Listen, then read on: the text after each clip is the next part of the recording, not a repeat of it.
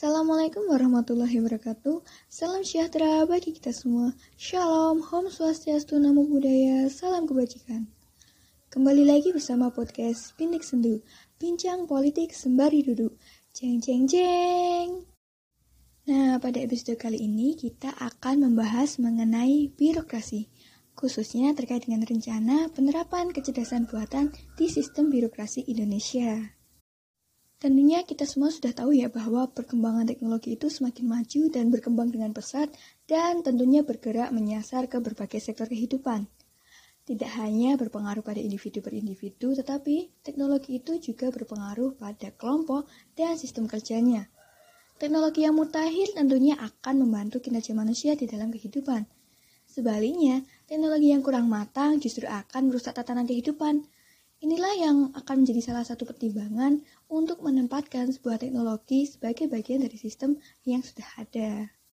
Nah, saat ini terdapat sebuah teknologi nih yang biasa dikenal dengan kecerdasan buatan atau artificial intelligence atau biasa disingkat dengan AI. Kecerdasan buatan ini merupakan sebuah robot yang sudah diprogram sehingga dapat melakukan su suatu hal yang sebelumnya hanya bisa dilakukan secara manual oleh manusia. Tentunya dengan adanya AI ini akan mempermudah dan mempercepat kinerja manusia. Namun, apakah AI ini cocok dan sesuai apabila diterapkan dalam sistem birokrasi yang ada di Indonesia? Hmm, siapa yang tahu ya? Dilansir dari laman CNBC Indonesia, sebenarnya rencana penerapan AI ke dalam sistem birokrasi di Indonesia untuk menggantikan ASN itu sudah santer dibicarakan sejak tahun 2019 di mana pada saat itu Presiden Jokowi mengutarakan di Musrenbaknas RPJMN 2020 sampai 2024 yang berlangsung pada bulan Desember 2019. Presiden Jokowi menyampaikan bahwa berkomitmen untuk menggantikan para ASN dengan robot AI. Pekerjaan yang sifatnya administratif, rutinitas dan repetitif, serta memiliki prosedur operasi standar yang jelas menurut peraturan perundang-undangan yang berlaku dapat digantikan dengan teknologi. Robot AI ini nantinya akan menggantikan ASN eselon 3 dan eselon 4 yang dinilai menghambat birokrasi. Penggantian dengan robot AI ini menurut Jokowi juga menjadikan sistem birokrasi menjadi lebih sederhana dan lebih cepat saat merespon perubahan dunia. Nah, langkah awal yang dilakukan dalam perealisasian rencana tersebut adalah dengan pemangkasan beberapa pegawai ASN eselon 3 dan eselon 4 secara bergulir. Setidaknya nih, dalam awal rencana tersebut diberitakan, Kementerian Keuangan menjadi ke kementerian pertama yang mendapat dampak dari kebijakan tersebut. Dilansir dari website tirto.id, setidaknya sudah ada 112 pegawai eselon Kementerian Keuangan yang saat itu berubah menjadi pegawai fungsional. Pemangkasan ASN eselon 3 dan 4 ini dilakukan oleh Kementerian Pendayagunaan Aparatur Negara dan Reformasi Birokrasi atau Kemenpan RB secara bertahap, yaitu jangka pendek, menengah, dan panjang. Tentunya rencana ini menimbulkan pro dan kontra tersendiri, baik dari kalangan ASN maupun masyarakat. Banyak nih yang beranggapan bahwa kebijakan ini akan menghilangkan pekerjaan ASN seluruhnya, dan ada juga yang beranggapan bahwa kebijakan ini akan menimbulkan persoalan baru terkait dengan keberpihakan AI tersebut. Seperti yang disebutkan oleh salah satu anggota WALHI bagian tata ruang dan Geographic Information System, Ahmad Ruzani, yang menilai bahwa kecerdasan buatan tersebut bisa jadi akan menghilangkan aspek keberpihakan terutama pada lingkungan dan masyarakat, karena AI ini dianggap belum mampu mengambil keputusan moral dan sosial manusia. Memang perubahan untuk mengadaptasi teknologi dalam sistem birokrasi itu membutuhkan pertimbangan yang matang. Menurut saya sendiri, perubahan semacam ini sebenarnya juga dibutuhkan dalam tubuh birokrasi. Seperti yang disampaikan oleh David Osborne, bahwasanya sistem pemerintahan saat ini terjebak dalam sistem kepegawaian yang tidak praktis dan memberikan sedikit insentif karena banyaknya pegawai, sehingga harus ada perubahan untuk meningkatkan kinerja pemerintahan. Sistem pemerintahan yang diciptakan selama era industri biasanya terdapat masalah besar yang harus dipecahkan, seperti pelayanan program publik, sistem kerja yang hierarkis yang sangat top-down dengan banyak aturan dan peraturan. Adanya perubahan teknologi yang semakin cepat juga tentunya akan berdampak pada sistem birokrasi. Oleh karena itu, dibutuhkan perbaikan sehingga birokrasi itu menjadi ramping, cepat tumbuh dan responsif terhadap masyarakat, serta mampu menyesuaikan diri dengan perubahan nyata dan mampu meningkatkan produktivitas secara terus-menerus. Ini menjadikan tanda bahwa pemerintah atau birokrasi itu harus dapat berubah mengikuti perkembangan teknologi agar tetap bisa berjalan.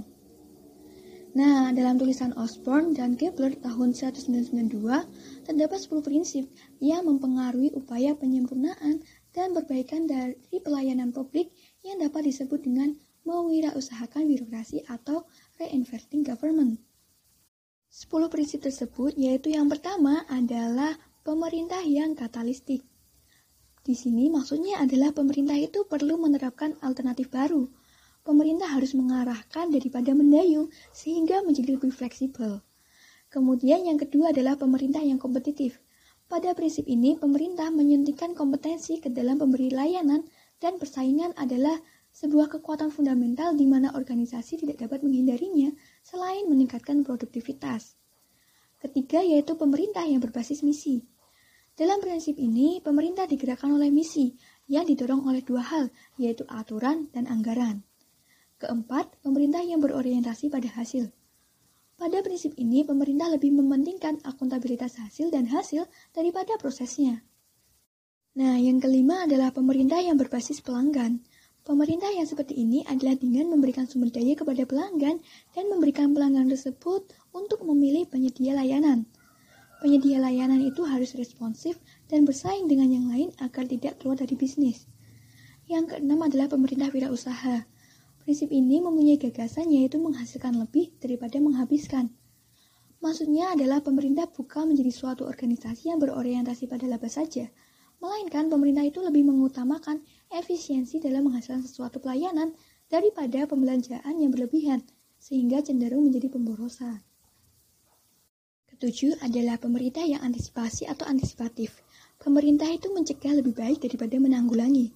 Maksudnya adalah hendaknya pemerintah itu merubah fokus pelayanan yang sebelumnya bersifat mengobati kerusakan menjadi bersifat pencegahan terhadap kerusakan. Kedelapan adalah pemerintah milik masyarakat.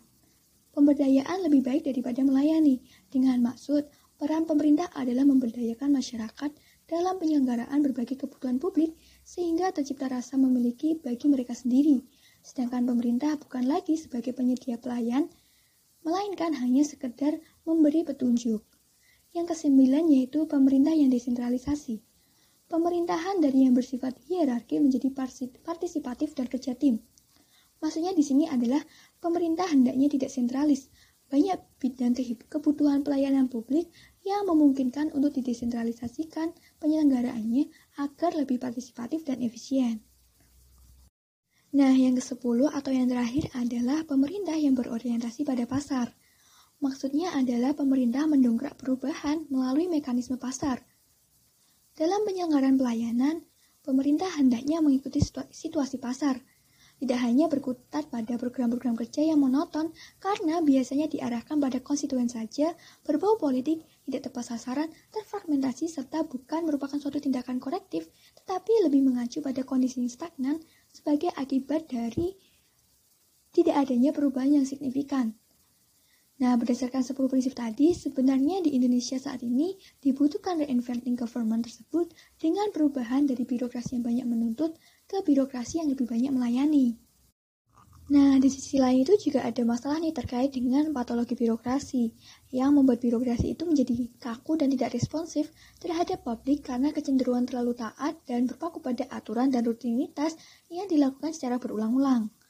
Sebenarnya patologi ini dapat dikatakan sebagai akibat dari penerapan old public Administration atau OPA yang memiliki ciri khas yaitu terstruktur, adanya hierarki, rasionalitas, dan adanya keteraturan sehingga pendekatannya dalam pelayanan publik itu cenderung top-down. Oleh karena itu, di Indonesia sendiri sekarang tuh juga mulai ada peralihan nih dari OPA ini mengarah ke New Public Management atau NPM. NPM ini sendiri berangkat dari gagasan Christopher Hughes sebagai awal paradigma alternatif yang membawa sektor private ke sektor publik. Dengan penerapan New Public Management ini, pelayanan publik akan lebih bersifat bottom up daripada top down. Nah, dampak dari penerapan MPM itu mulai terasa ya karena sekarang ini sudah ada sistem desentralisasi, kemudian juga muncul adanya privatisasi, downsizing, debirokratisasi, dan manajerialisme. Salah satu prinsip dari paradigma NPM sendiri yaitu adalah prinsip pemerintah wirausaha, seperti yang sudah disebutkan sebelumnya dalam prinsip reinventing government. Tetapi dalam penerapannya ini, NPM itu tidak boleh melupakan prinsip lainnya seperti pemerintah yang berorientasi pada publik sehingga penerapannya itu akan berjalan seimbang. Oke, tadi kita udah membahas mengenai reinventing government dan MPM. Untuk itu, untuk memaksimalkan hal tersebut, pemerintah itu membuat rencana untuk meletakkan kecerdasan buatan dalam sistem birokrasi dengan maksud memaksimalkan output pelayanan. Alasan lain yang dapat diterima dari penerapan kecerdasan buatan dalam birokrasi adalah untuk menciptakan adanya good governance. Seperti yang ada dalam jurnal Citizen Education Volume 2 nomor 2 tahun 2020, bahwasannya untuk mewujudkan good governance dibutuhkan manajemen publik yang mengarahkan sektor-sektor strategis yang mempercepat terwujudnya pelayanan kepada masyarakat. Nah, oleh karena itu, pembangunan birokrasi dan inovasi tersebut harusnya bisa dilakukan dengan memberikan perhatian serius kepada penerapan e-government. Namun, penerapan kecerdasan buatan dalam sistem birokrasi di Indonesia sebenarnya juga memberikan fokus tersendiri bagi pemerintah. Mengapa? Karena di satu sisi pemerintah itu harus bertindak secara rasional dengan tetap memperhatikan faktor kemanusiaan. Kan tidak mungkin kalau pemerintah itu tiba-tiba melakukan pemutusan hubungan kerja terhadap para pegawai di organisasi publik atau instansi pemerintahan. Ya, sebenarnya bisa aja sih kalau pemerintahannya itu tega terhadap pegawai.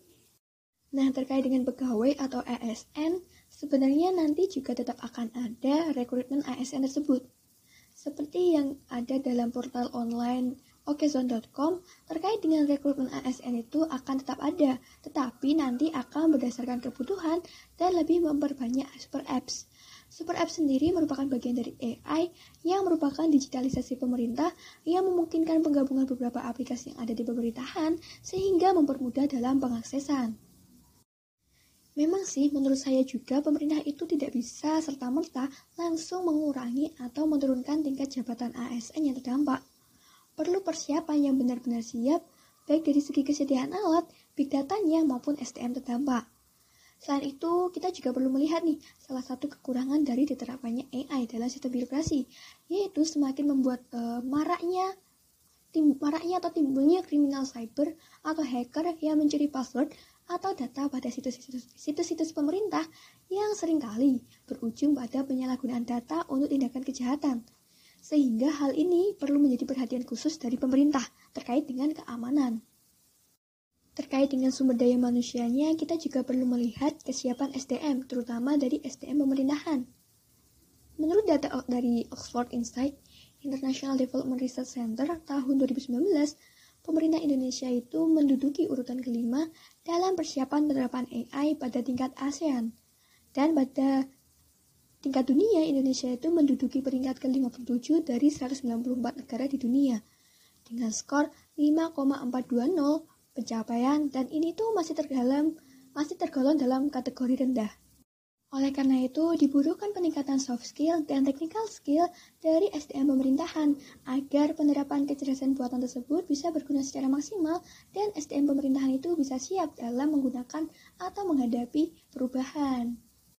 Intinya sih menurut saya penerapan kecerdasan buatan dalam tubuh birokrasi itu merupakan sebuah rencana yang terbaik ya, apalagi dengan maksud dan tujuan untuk meningkatkan kinerja birokrasi agar lebih inovatif, efektif, dan efisien. Sekaligus, kecerdasan buatan ini kan juga merupakan bagian dari penerapan NPM ya.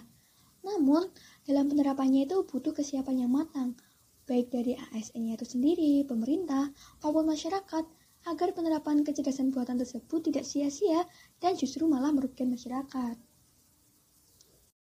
Oh, nggak kerasa nih kita sudah sampai di penghujung podcast. Segitu dulu ya episode kali ini. Mohon maaf apabila ada kesalahan kata maupun penjelasan pada episode kali ini. Saya tentunya juga menerima kritik, saran maupun masukan agar podcast ini dapat berkembang lebih baik ke depannya. So, jangan benci politik, politik itu asyik. Stay tuned and stay safe. Assalamualaikum warahmatullahi wabarakatuh. Bye bye. Thank you for paying you.